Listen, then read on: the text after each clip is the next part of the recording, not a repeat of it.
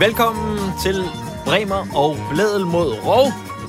Programmet, der øh, elsker sport så meget, at vi prøver at redde det fra korruption, doping, greenwashing og ondskabsfulde regimer hver evig eneste fredag eftermiddag. Her i studiet, der er vi Tue Blædel og Sandy Vest. Hej Sandy. Hej Tue. Og vi skal lige beklage, at der var lidt bøvl med lydene i nyhederne. Ja, Øhm, det var ikke din øh, radio eller telefon, der var noget i vejen med. Øh, vi øh, satser på, at vi har lyde med i vores program. det håber vi. Ellers kan det godt blive lidt en lang omgang for os. Ja, vi har i hvert fald vores jingle, det er der ikke nogen, der kan være i tvivl om på nuværende tidspunkt. Øhm, altså, Sandy, du er her jo, fordi at du vikarierer for Amalie stadigvæk, som ja. Stadigvæk er ved at komme sig oven på sin operation. Yes. Og den seneste melding, jeg har fra hende, mm. øh, er fra i formiddag, så den er dukfrisk. Øhm, og hu- hun siger, hun har været til tjek på hospitalet, og de siger, det går som det skal, minus lidt hud, der brokker sig, men det er ved småting, er citatet fra Amalie. Ja. Og man ved, hvordan hud er. Ja, det skal altid være sådan lidt klassisk. brokkeagtigt. Klassisk hudtype, ikke? Ja, præcis. Præcis, den irriterende hud. Men vi øh, luner os ved, at øh, i det store hele, så går alt som det skal Ja. på den front. Det er vi meget glade for. Ja.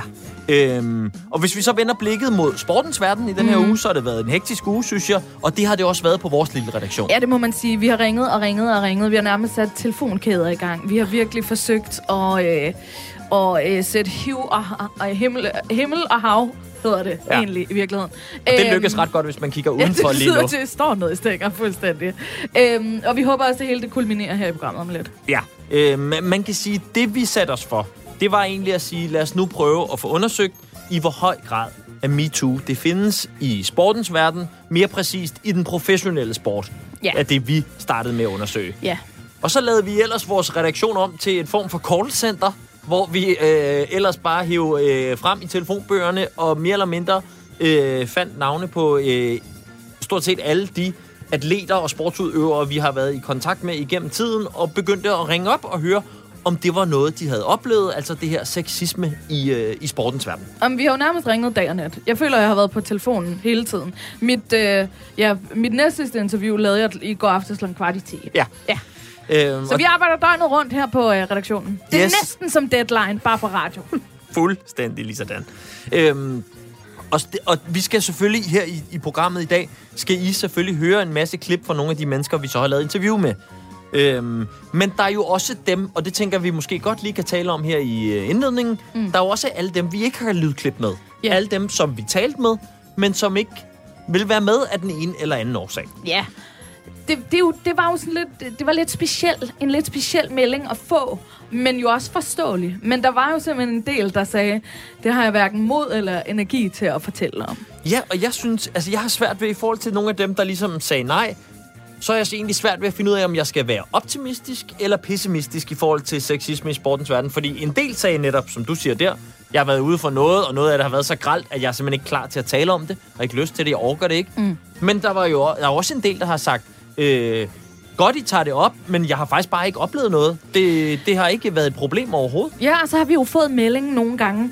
Øhm, ja, jeg har oplevet noget, men jeg har ikke oplevet det her hjemme i Danmark. Mm. Og jeg har ikke indtrykket af, at øh, det er i hvert fald lige i min verden, i den sportsgren, som jeg begår mig i, at, øh, at det er noget, der fylder specielt meget i Danmark. Og det har jo også været en ret opløftende besked. Men jeg vil sige, den, den, den som der ligger tungest, det er ligesom, det er ligesom dem, som øh, siger, at de ikke har modet eller energien til ligesom mm. at være med. Og det er jo, fordi man godt ved, Tue, at der er en masse på spil, når man går ud og, og fortæller om det her. Nå ja, og plus, altså mere opfindsomme er vi heller ikke her på redaktionen, end at øh, vi er da godt klar over, at i det øjeblik, nogle mennesker står frem i vores program og fortæller om et eller andet, så ringer alle de andre journalister jo også, og også gerne lige vil have den historie. Og så skal man lige være klar på, at den historie er med i den store mediemølle i en hel uge, øh, 360 grader, ikke? Præcis. Og det er, altså man kan sige, hvis, hvis det menneske, som man potentielt går ud og fortæller om, stadig er i den mm. øh, sportsgren, som man befinder sig i, jamen så skal man måske stå ansigt til ansigt med det menneske bagefter. Det er ikke sikkert, man har lyst til det. Du har jo selv, Sandy, øh, bidraget med nogle af de erfaringer, du har haft fra medieverdenen. Mm. Havde du nogle af de samme overvejelser? Havde du også øh, haft øh, perioder, hvor du har haft lyst til at fortælle om det, og så har fortrudt, eller øh, øh, ligesom nogen siger til os, når en journalist har ringet og talt med dig og sagt, "Mm, ja, men jeg er ikke helt klar. Jamen, jeg har jo lidt lavet WUS-udgaven, ikke? Jeg, Jeg har gået ud og, få- og skrevet under på det her støttebrev, som, øh, som der jo ligesom blev sendt rundt. Og Mm. så har jeg jo øh, også gået ud og revset nogle af de her mediechefer for, hvordan de har håndteret øh, Ja. alt det her, øh, som ikke har været vildt godt håndteret. Øh, og, øh, og på den måde har jeg ligesom fortalt, ja, jeg har oplevet noget, men jeg har jo ikke fortalt, hvem jeg har oplevet, Nej. Eller hvad jeg har oplevet. Klart. Øhm, og det er jo så lidt mellemvejen mm. at, at vælge, ikke? Øhm, men det er jo da 100% øhm, kalkuleret. Jeg har da ikke lyst til at gå ud og fortælle præcis, hvem det er overhovedet, fordi det ved jeg kunne have øh, virkelig store konsekvenser, og det er jeg ikke rigtig klar til. Og derfor forstår vi selvfølgelig også alle dem, der, øh, som vi har talt med i løbet af ugen, som har sagt pænt nej tak. Ja. Øhm, men lige så meget har vi totalt også virkelig stor respekt og optur over øh, de af jer, der har haft modet og har synes, timingen har været rigtig til at ville snakke med os. Men det er jo egentlig det, der har været virkelig det paradoxale for mig, fordi jeg, jeg selv står i situationen, hvor jeg ikke selv har lyst til at fortælle konkrete eksempler. Og når jeg så ringer og får de her eksempler at vide, de vil jo gerne fortælle det i telefonen, mm. men bare ikke fortælle i radioen, så står jeg over og tænker, åh, satans, det ville være så stærkt, hvis du stod frem. Men samtidig så kan jeg jo ikke rigtig bebrejde dem, fordi jeg gør det jo heller ikke selv. Jeg synes, at nu er det tid til, at vi hopper ud i nogle af de mennesker, der rent faktisk har vil tale med os. Ja, det synes jeg, vi skal gøre. Øhm, fordi at, jeg vil sige, Tu, øhm, det har jo bare været på alles læber de sidste tre uger, ikke? Eller Jo, i jo. hvert fald på manges læber de sidste tre uger. Og jeg har sådan lidt en, en fornemmelse af, at det ruller lidt mere den her gang, end det gjorde sidste gang. Mm. Øh, det her opgør med sexisme og, og MeToo, som det jo egentlig, altså, som jo egentlig er titlen på det her. Øhm, jeg har det lidt som om, at det er, det er sådan lidt en lavine, som er lidt sværere at stoppe den her gang. Øhm, nu har det været mediebranchen, så bevæger det sig lidt over i musikbranchen. Men for os her på programmet, så ville det jo være mest interessant, hvis det begyndte at brede sig over i sportens verden også. Øhm, og øh, hvis vi sådan lige tager de udenlandske briller på mm. i første omgang, ikke, så har der jo været eksempler fra andre lande Ja, øhm, de seneste også. par år. Mm. Blandt andet USA er jo ikke gået helt fri. Da MeToo for første gang ligesom bragede derud af i 2017, så begyndte den her sag i det amerikanske gymnastikforbund. Ja, den jo var kæmpe, kæmpe, Kæmpe jo. stor. Larry Nasser, han var sportslæge. Han blev i 2018 kendt skyldig i at have udnyttet sin position som læge på Michigan State University og i det amerikanske gymnastikforbund til at misbruge kvinder og, og piger seksuelt. Altså. Der blev identificeret 332 ofre for ham her. Helt grotesk. heriblandt OL-gymnaster jo, Ja. øhm, som bekendt. Og han blev altså idømt op mod 125 års fængsel for sine overgreb. Ja. Mm, men det er jo USA. Ja, ja. Er der så noget at komme efter herhjemme? I den her uge, der hørte vi om hende her, den 18-årige fodbolddommer Julie Alsbro, som i forbindelse med den her serie 4-kamp blev overfuset af en øh, ældre mandlig fodboldspiller. Og det fortalte hun jo faktisk om, da hun øh, besøgte Godmorgen Danmark. Og det synes jeg lige, vi skal høre, inden at vi går i gang her på radioen. Jeg besluttede mig for, at ved næste spilstop, der, øh, der går jeg over og giver ham øh, gul kort, en advarsel. Øh, og det reagerer han ikke særlig, særlig venligt på. Øh, han, han bliver faktisk rigtig sur over det. Øh, og vælger så at, at puste sig op øh, og komme sådan med, med sagte skridt hen mod mig. Og får også sagt, øh, du så fucking ringe. Øh, og der giver jeg ham så hans anden gule kort i den forbindelse. Og inden jeg når at få hævet, hævet det, det røde kort frem, der når han så, og hvad skal man sige, det han vil passere mig, der når han så at, at skubbe til mig, så jeg lige må træde et skridt tilbage for, for at holde balancen.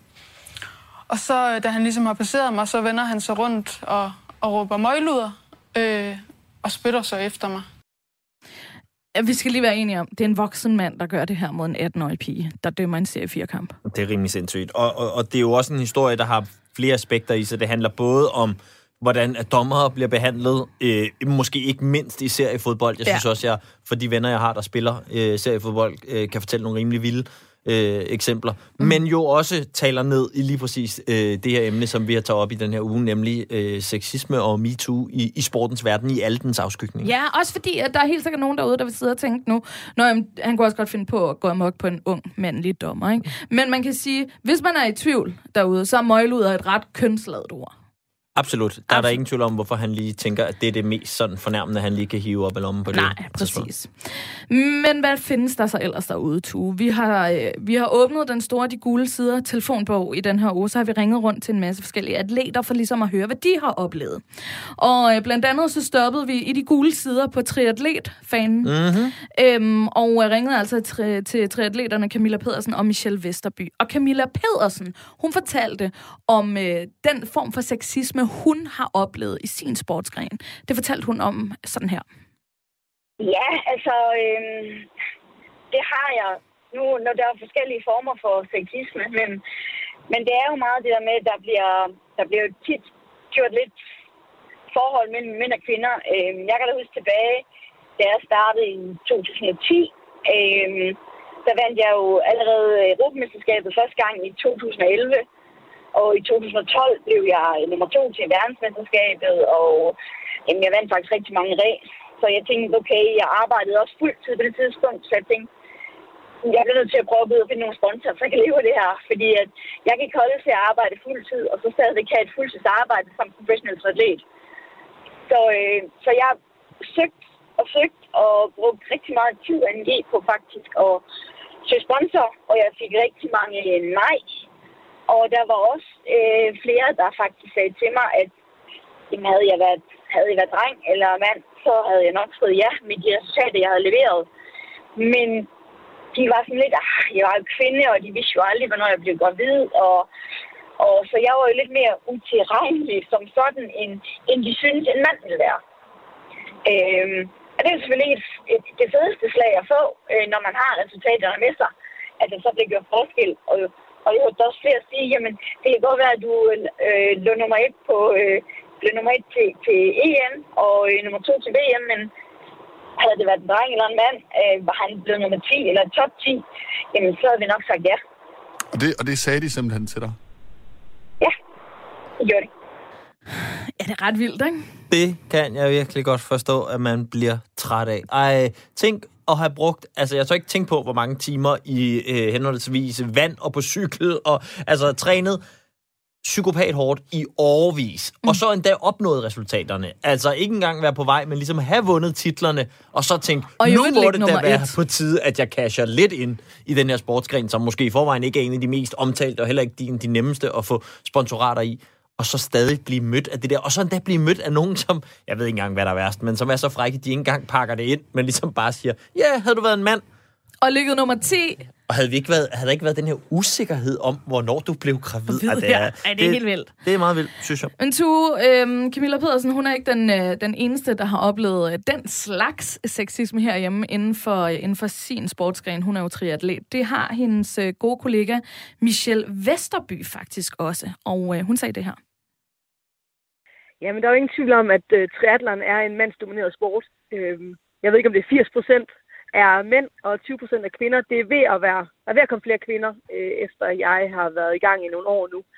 Uh, men som jeg vil sige, måden jeg nok størst har mærket det på, er, er via sponsorater. Mm. Der er ingen tvivl om, at jeg har skulle forhandle benhårdt med nogle sponsorer, hvor jeg godt ved, hvad mændenes markedsværdi er, og hvor at kvindernes har været væsentligt lavere. Okay.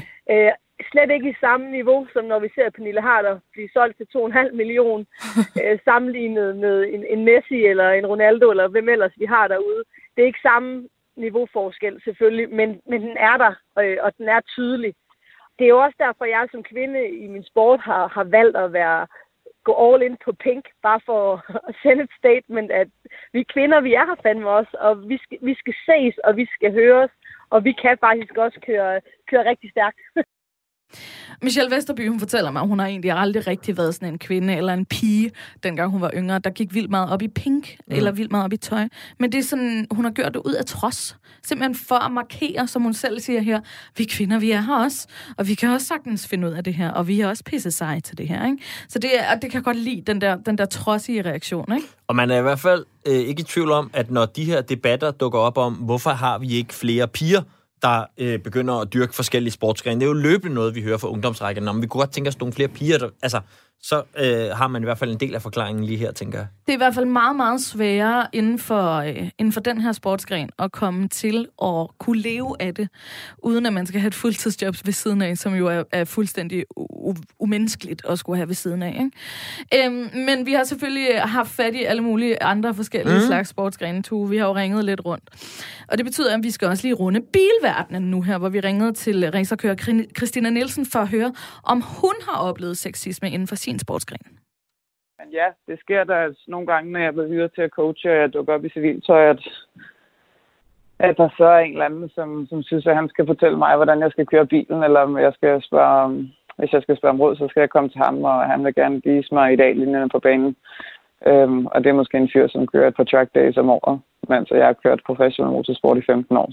Er der et problem derude, som du ser det? Altså ja nej.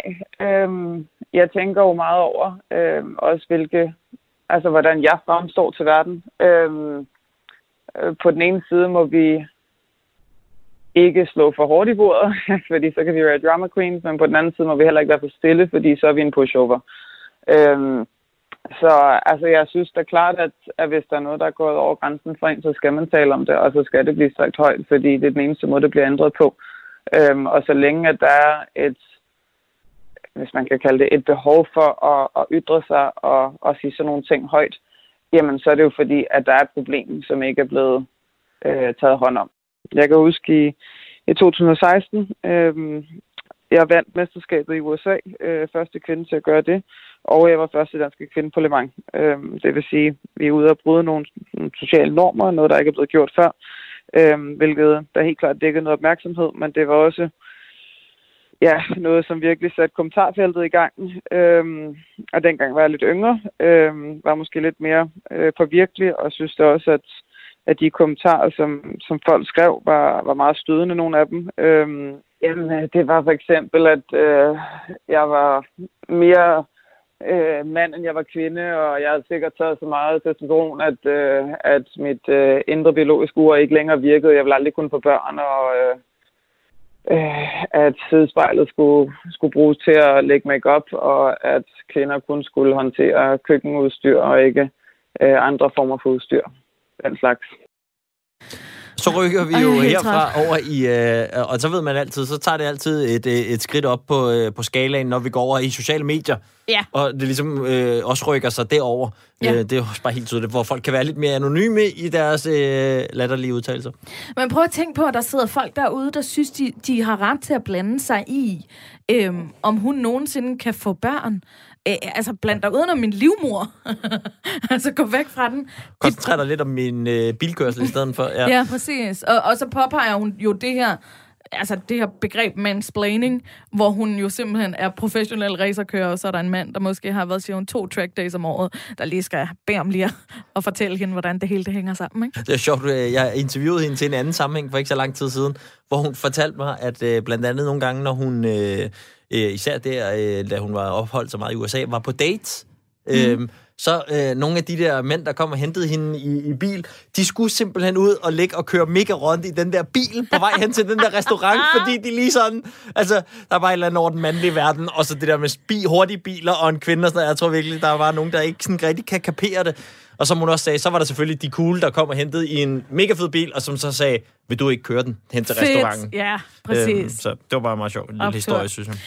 Nå, men uh, Christina, hun havde jo så altså også eksempler på, at der findes sexisme inden for, uh, inden for hendes sportsgren. Og uh, så ringede jeg i går aftes til Mette Cornelius. Mm. Mette Cornelius, hun er jo ikke selv uh, sportsudøver, men hun er jo sportsvært. Hun er kvindelig sportsvært. Øhm, og, øhm, og blandt andet dækket landsholdet rigtig meget, tror jeg, mange vil huske hende for her på det seneste. Altså, og hun er jo virkelig nærmest øh, lige fodbold herhjemme for rigtig mange mennesker. Mm. Ikke? Hun har dækket rigtig mange forskellige øh, fodboldkampe. Og øh, jeg var lidt interesseret i, om hun som kvindelig sportsjournalist øhm, har haft oplevelser, oplevelser, eller stadig har oplevelser, hvor hun bliver behandlet anderledes end sine mandlige kollegaer. Og, øh, og der sagde hun altså det her. Det har jeg især i min tidlige, øh, den tidlige del af min karriere, da jeg ligesom kom ind i branchen. Øh, jeg startede med at være praktikant på DR-sporten på radioen, og, og var ligesom ude den vej og begyndte at, at skulle ud og have mine kilder og så videre og lave interviews. Og der, øh, der, der var der da en, øh, der var der da sådan blandt øh, kollegaer, eller det vil jeg ikke kalde kollegaer, men mandlige sportsjournalister i branchen på konkurrerende medier, der, der var der da en eller anden sådan lidt mærkelig tone og kom ind i en mærkelig stemning. Øh, de synes, umiddelbart virkede det ikke som om, de synes det var så fedt, at der kom unge kvinder ind i, i gamet. Øh, og der oplevede jeg da, øh, der oplevede jeg da for eksempel øh, at, at finde ud af, at, at der var nogen, der gik og spredte rygter om, og hvis jeg havde fået et, hvis jeg havde fået en historie med en eller anden øh, fodboldspiller, øh, det var typisk fodbold, jeg dækkede og altid har gjort, øh, jamen, hmm, hvordan må hun have fået fat i den historie? Altså, det var sådan noget, der blev sådan insinueret, og som sev lidt mellem redaktionerne, og som kom mig til øre af omveje, men, men, men det var sådan noget med at gå og sprede lidt usande rygter, eller ikke at de var lidt usande, men usande rygter, men gøre det sådan i hentydninger, uden tror jeg egentlig, at de måske har fundet på en decideret historie om, hvad jeg har gjort, men mere sådan den der fornemmelse af, at hende skal I da lige passe på øh, og, og snakke, øh, snak for godt med og sådan. Ja, så havde jeg en enkelt gang, kan jeg huske, da jeg var i øh, praktik øh, på DR, hvor jeg var oppe i landsholdslejren, som dengang lå i Hvidbæk, hvor jeg øh, skulle lave et interview, øh, eller jeg skulle lave flere interviews, og så står jeg og venter på, at de her spillere kommer ned fra øh, hotellet ned til træningsbanerne, så kommer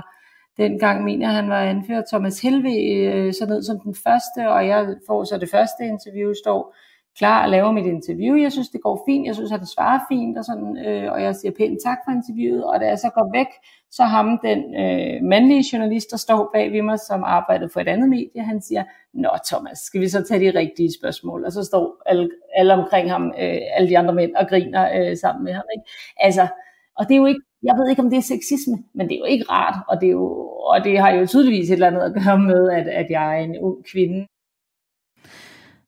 Jeg snakkede også med Mette om, jeg ved, om han havde gjort det, hvis det var en, en ung mandlig journalist. Og det snakkede vi faktisk om, at, at det troede hun ikke, at han ville have gjort.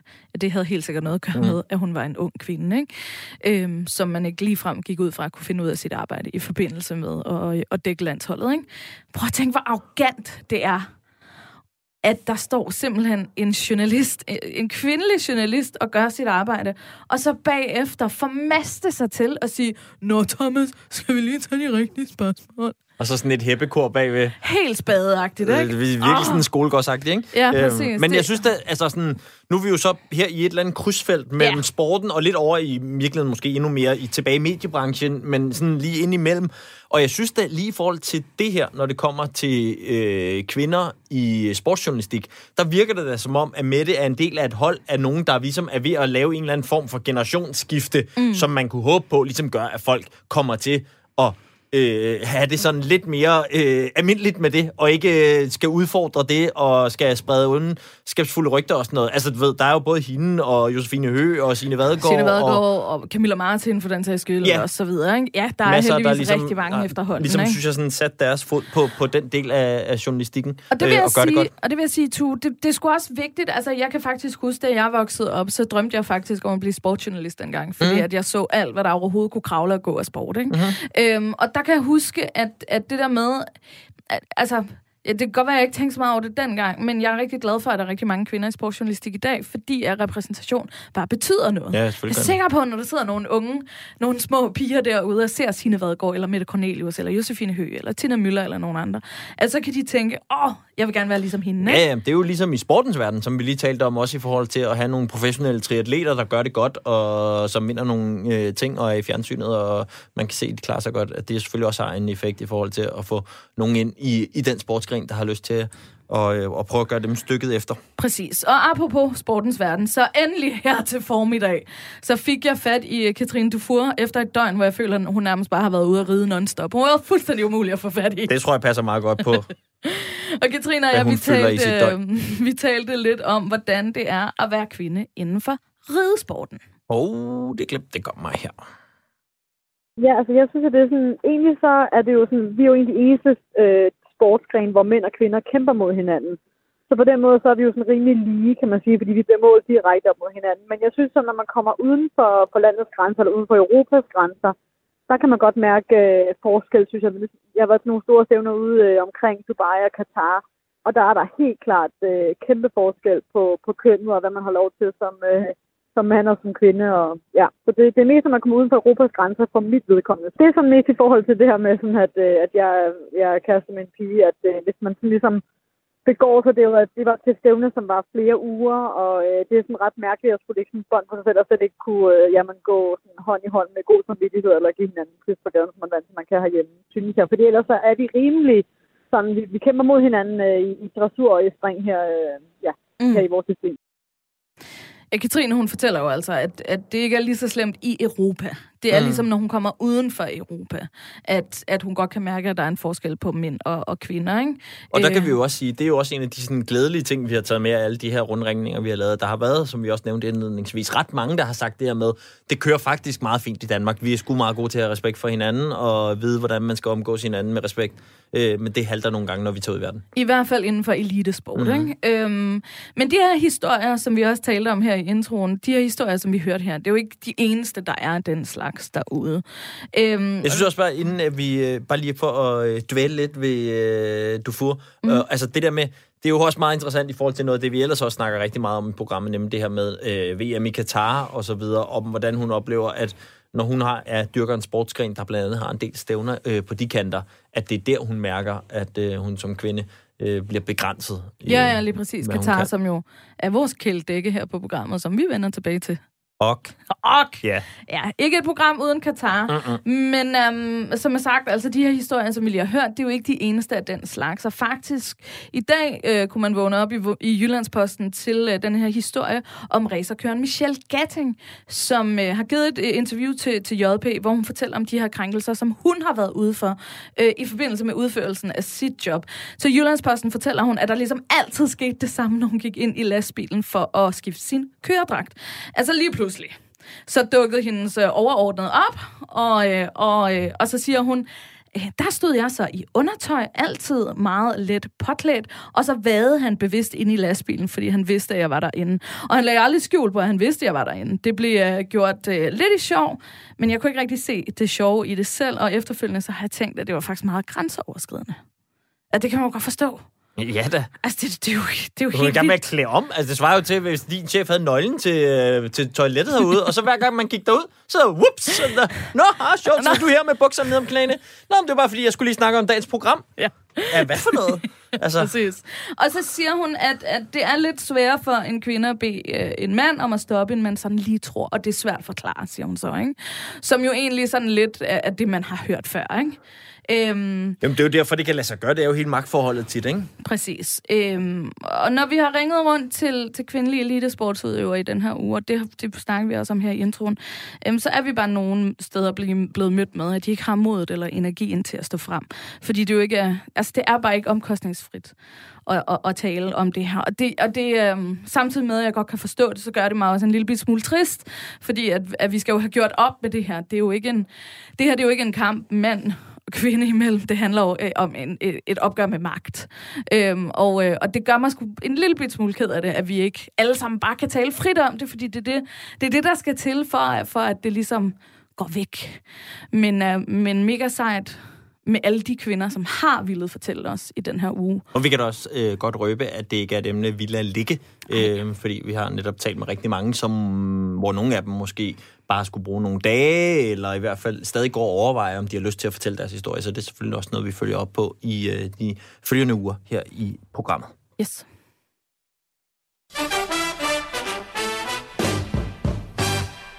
Således springer vi videre til noget lidt mere opmuntrende, som er ugens held. Held, held, held. Ja. Øh, det er her, hvor vi prøver at hylde de sande helte i sportens verden. Dem, som stadig tør sige tingene lige ud, være ærlige, og som bare helt tydeligvis elsker deres sport for sportens skyld, og ikke kun for pengene eller berømmelsen. Mm. Øhm, og vi har øh, både i programmet og også i øh, formatet Ugen Telt talt en del om øh, Billie Jean King og de her Original Nine i kvindetennis, som jo var øh, the front runners, dem der ligesom banede vejen for, at øh, tennis i dag er et af de steder, hvor at man er aller tættest på at have øh, ligeløn imellem mandlige og kvindelige atleter. Ja, de her, de her tennisspillere, de her kvindelige tennisspillere, de sagde simpelthen, vi gider ikke være med på mændenes vilkår mere, nu går vi ud, og så laver vi bare vores egen turnering, og, øh, og så må vi spille for ingenting, som vi jo så kommer til et stykke tid, ikke? Præcis, så spillede de for en dollar, som også blev det her ikoniske billede, der blev øh, kendt, hvor de øh, ni kvinder, der brød ud af Mændenes Tennis Forbund og startede deres egen, de sidder og holder den her one dollar, som de spillede for i de første turneringer oppe. Øhm, og i onsdags, der var det så faktisk 50 års jubilæum for mm. The Original Nine. Og en af dem, som så var ude og hylde dem, det var så den unge øh, tenniskomet øh, Coco øh, Gauff, som øh, jo er øh, 16 år gammel. altså, Tu, hvad lavede du, da du var 16? jeg var i hvert fald øh, hverken god til tennis, og jeg var heller ikke tilnærmelsesvis øh, i nærheden af at kunne stille mig op og tale til en forsamling, som Coco hun kan. Altså, hun er rimelig vild. Altså, jeg vil sige, jeg tømte rimelig mange slotspilsner og sad over et hjørne over i ungdomsklubben og spillede Zombie fra The Cranberries på repeat. Jeg ved ikke engang, om jeg turde drikke øl, da jeg var 16. Nå, øh, men Coco, hun tør rimelig meget, og øh, hun er også en af dem, som vi godt kan lide her på programmet, fordi hun tør bruge sin platform til også at mene noget. Mm. Øhm, og det har hun brugt på en masse ting. Hun brugte det så her i den her uge på at hylde The Original Nine. Øhm, men hun har også brugt sin platform rigtig meget i forhold til den her Black Lives Matter-bevægelse. Yes. Coco er også selv sort, øhm, og har været ude afskillige gange og bruge sin stemme. Øhm, og jeg synes, vi lige skal prøve at høre et øh, klip, hvor man lige fornemmer, at hun er sådan lidt mere selvsikker end øh, sådan din gennemsnits øh, 16-årige. My name is Coco, and who just spoke was my grandma. And I think it's sad that I'm here protesting the same thing that she did 50 plus years ago. So I'm here to tell you guys this that we must first love each other no matter what.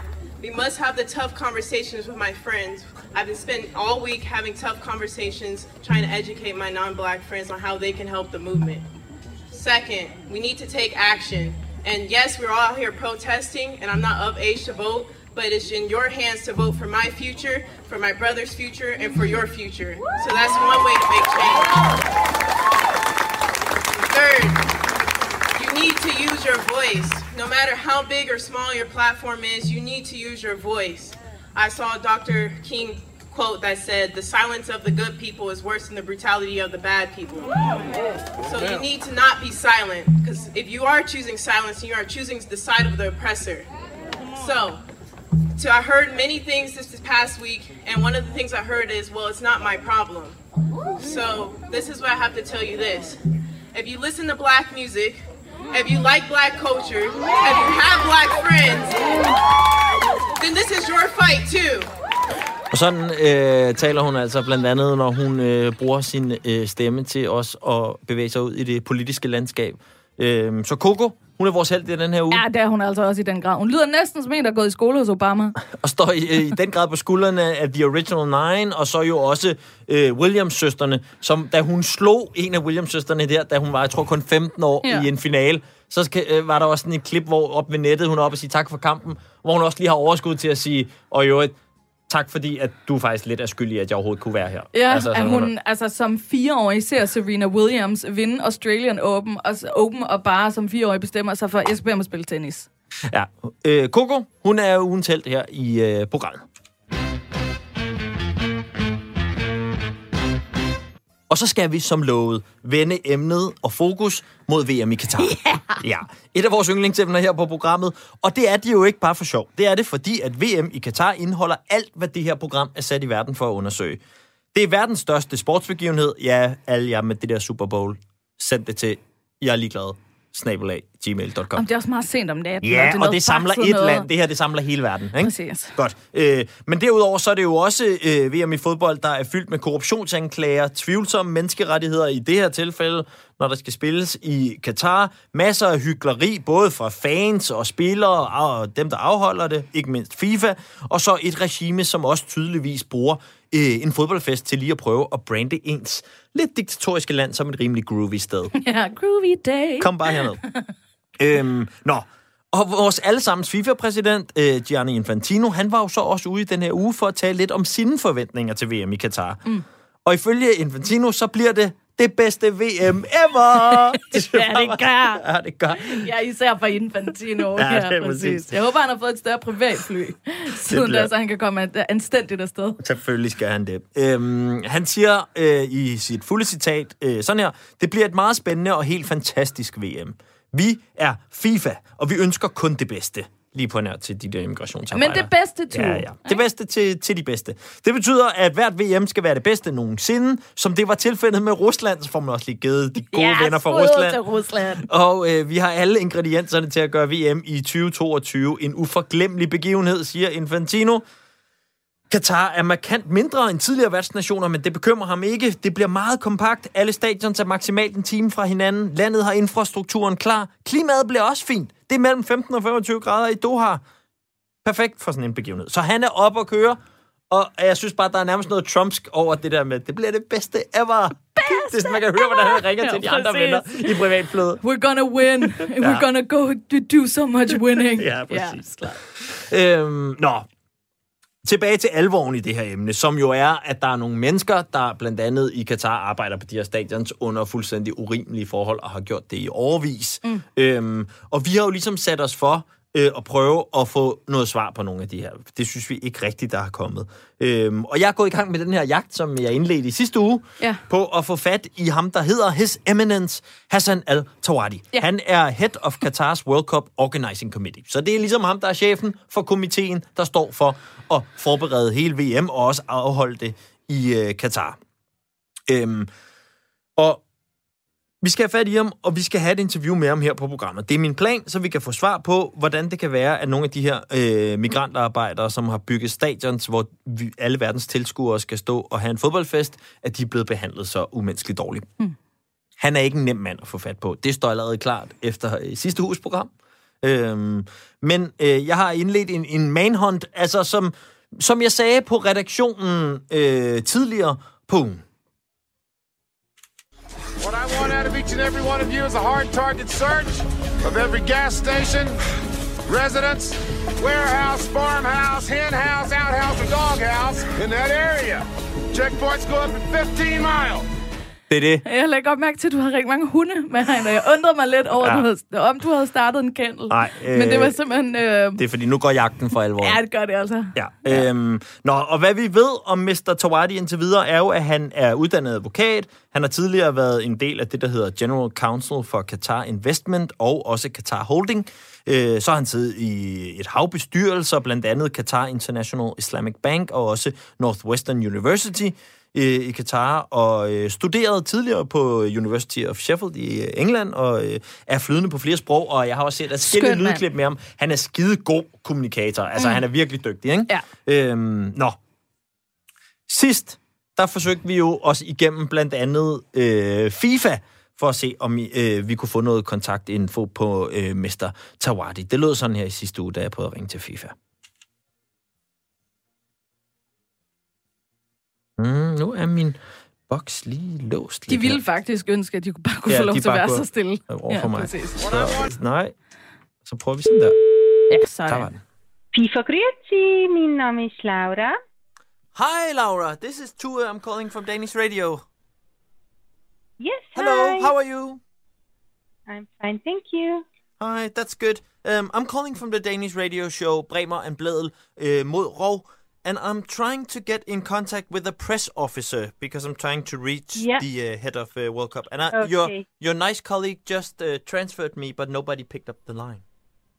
Oh, I give you also the direct number because it's a hotline, so Okay. I'm allowed to give you the direct number. Thank you. It's uh, 0041 yes, please. 43 Mm-hmm. 222 Yes. 7272. Okay? and I will try 7272. to put you through. Okay, and Laura?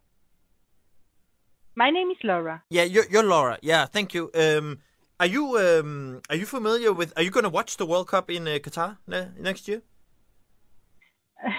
yeah, of course I will, but I'm not allowed to do any statements. No, no, no, no. I was just wondering. I was just wondering, with all the modern slavery and stuff, you know, is that going to be a problem Ah, for you? okay. Not a, yeah, we are not. a- But anyway, I will. I will try to put you through our media uh, department and uh, Perfect. yeah. But anyway, All the slaves. Ja. Nå, Ja. der kom vi ikke så langt andet end, at jeg fik en... Øh, til sidst kom jeg jo igennem til en øh, pressemedarbejder i FIFA, som var sød og give mig en sådan generel mail til den her committee i Katar, øh, hvor øh, Tawadi, øh, han jo er chef. Øhm, og jeg har skrevet en mail. Øh, jeg har ikke hørt noget endnu, men jeg kan lige læse op for dig, så kan du lige vurdere, høre. om du synes, jeg har grebet det godt Ja. an. Øhm, den starter sådan her. Dear Supreme Committee. Allerede godt, synes jeg Ja, faktisk. Ja. I would like to request an interview with his eminence. Jeg tænkte, det der med eminence, det er Ja, nok godt at få med. at få med, ja. Hassan Al-Tawadi regarding the preparations for the World Cup. Og så skrev jeg, we are located in Denmark, so a phone interview is probably the best solution. Ja, helt klart. Bare lige for at vi- Men hvis det er, så er jeg sikker på, at vi kan finde pengene her ved radioen til at sende dig afsted. Det kunne være, han vil flyve herop. Ja, det kan selvfølgelig også være.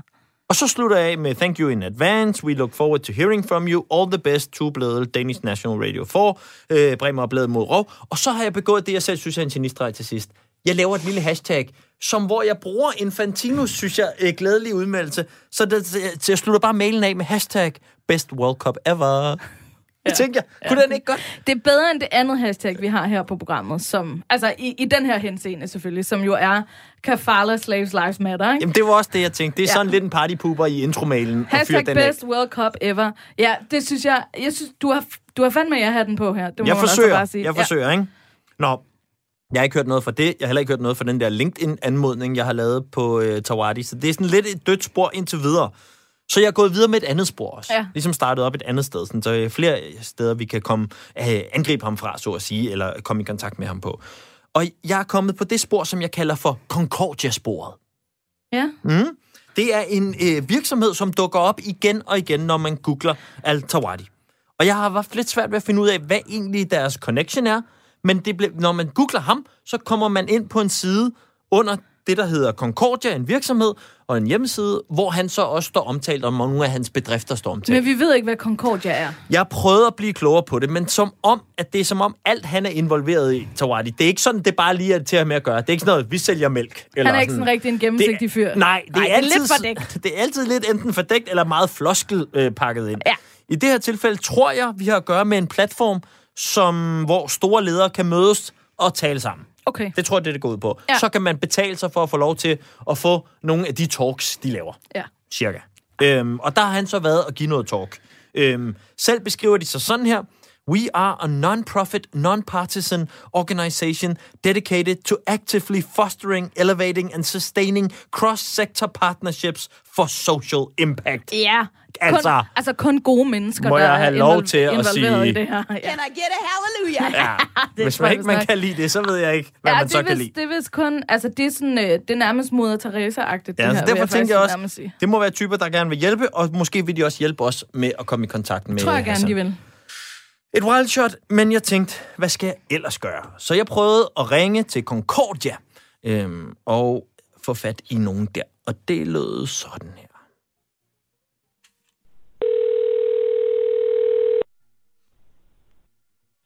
Hello, this is Adriana.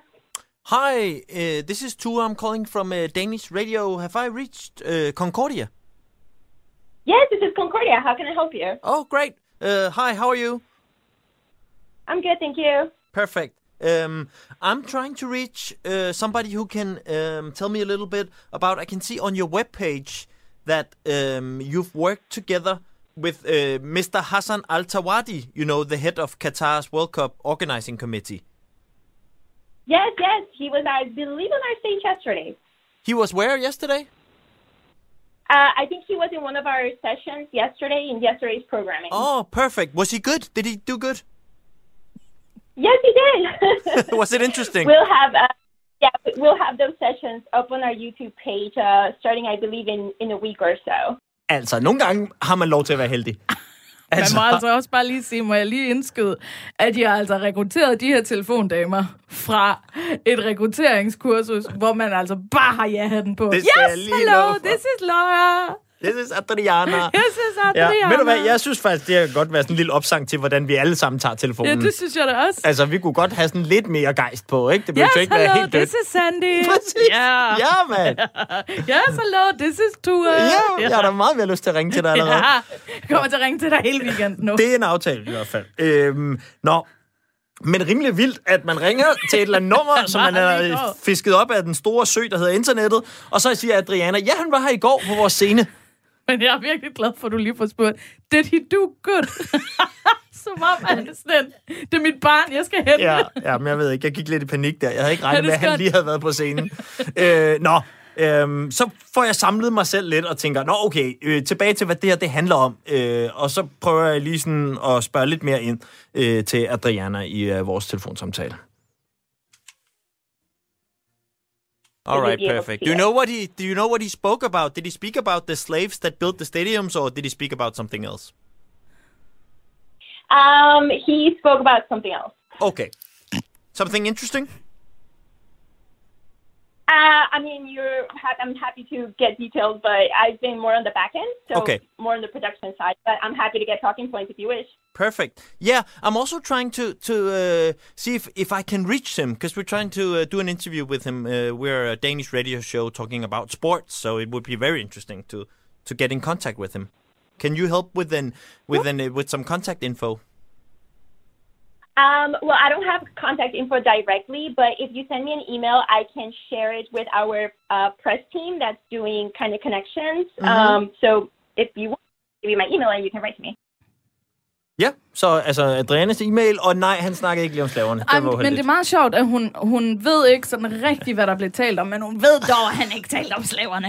Hun tænker lige, nej, Nej, det var det ikke. Ej, det var ikke lige den om slaverne. Nej, det var en anden, han havde med den her Ja, gang. præcis. Ja. Ja. Det var den, det var den udfordring. Ja, det var det godt nok. Men hun er Øhm, meget imødekommende, synes jeg. Det er ellers. hun. Og ved ja. du hvad, hun har en anden strategi end FIFA-telefon, damerne. Ja. Fordi på et tidspunkt undervejs, så skifter hun over, og det må jeg sige, det er altså øh, well played, og roser mig midt i det hele. Ej, hvor skønt. Ja, Ja. det lød sådan her. I, I think what the kind of things that you're digging and, and searching and, trying to find answers for, I think that's commendable. So I, I applaud you for your commitment to that. Okay, great, thank you. But uh, so, but it's nothing that stops you from from using Mr. Hassan, though. I mean, you know, I think as, as convening platforms, I think there's a there's an element of, you know, I think hearing because I think you know by by you having on the record certain things, I think it's an important element of when maybe actions don't reflect the words. I think it's easy to have to make those connections, and I think that that's powerful. And I think that, you know, even if we're not, um, you know, uh, what's the word? Ja, hvad er det egentlig, jeg prøver at sige her, tænker Adriana. Og det, hun jo egentlig prøver at sige, det er, øh, men er det ikke meget fint, at vi er typerne, der giver ham her, øh, lad os nu være lidt grove, kalde det slavehandleren, noget taletid, og så kunne I jo være typerne, der prøvede at komme efter ham. Og så på den måde, så har vi alle sammen noget at lave. Og sådan hænger det hele jo sammen. Men man kunne også godt forestille sig, at hun var typen, der var fan af Robert Skov-strategien. Ikke? Det kommer også simpelthen hen på, hvor meget man sætter sig ind i det. Det tror jeg også sagtens, du kunne regne med. Øh, men egentlig vil jeg sige, at jeg talte videre med Adriana i noget tid, og hun, jeg kunne egentlig meget godt lide, at hun turde åbne op for og sidde og snakke om. Hun sagde også noget med, Nå, jeg vidste faktisk ikke så meget om det der med, at der har været problemer med de der slaveforhold, og det er jo noget, jeg også vil tjekke ud. Og sådan, så hun var egentlig sådan meget imødekommende og åben, øh, men på sådan en lidt mærkelig måde, hvor man tænker, når man tænker I slet ikke over, hvem det er, I ligesom lægger platform Altså, til. jeg håber og- ikke, at Hassan få nogle al spørgsmål. han lytter til Radio 4 på en eller anden måde, så hun fyret nu. 100 rigtigt. procent. Men altså, skud ud for at være så imødekommende og roster. Altså, det må jeg, det må jeg altså sige. Jeg vil Ja. også gerne roste, men jeg synes, det er bedre, når hun gør det. Ja, det- Adriana. Ja. Det, det fungerer bedre, øhm, og jeg blev også klart mere venligsindet. Men det betyder ikke, at jeg min øh, jagt stopper her. Nu fik jeg jo en mail fra hende, mm. øh, som jeg har sendt en mail til og spurgt på, om øh, ikke hun vil få hendes press team, som hun kalder det, til måske at sætte mig i kontakt. Øhm, og så har vi også et andet spor, vi arbejder på, men det øh, vender jeg tilbage til øh, næste uge. Og så kan det jo være, at LinkedIn pays off. Det tror jeg altså snart Måske godt, han du bare kan logger med. på Men jeg tror 14. måske dag. bare, at han har lidt travlt. Altså, hvis han lige har været ude og holde et oplæg, ikke? Han skal måske også ud og holde det andet oplæg om slaver, ikke? Altså, så har han jo meget Det- at se det- til to, ikke? Vi, øh, vi får se. Jeg vil i hvert fald sige, at i ramme alvor, så vil vi virkelig gerne have et interview med Mr. Øh, Tawadi, og øh, vi øh, jager det stadig også i, øh, i næste uge.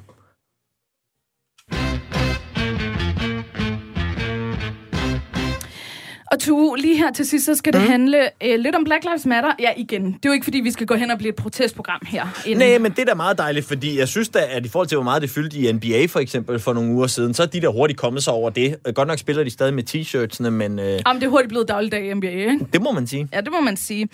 Øhm, og, øh, og vi skal også lige runde øh, noget øh, bilsport, inden at vi, inden at vi slutter af Mm. mm. her. Vi skal lige runde Formel 1 nemlig.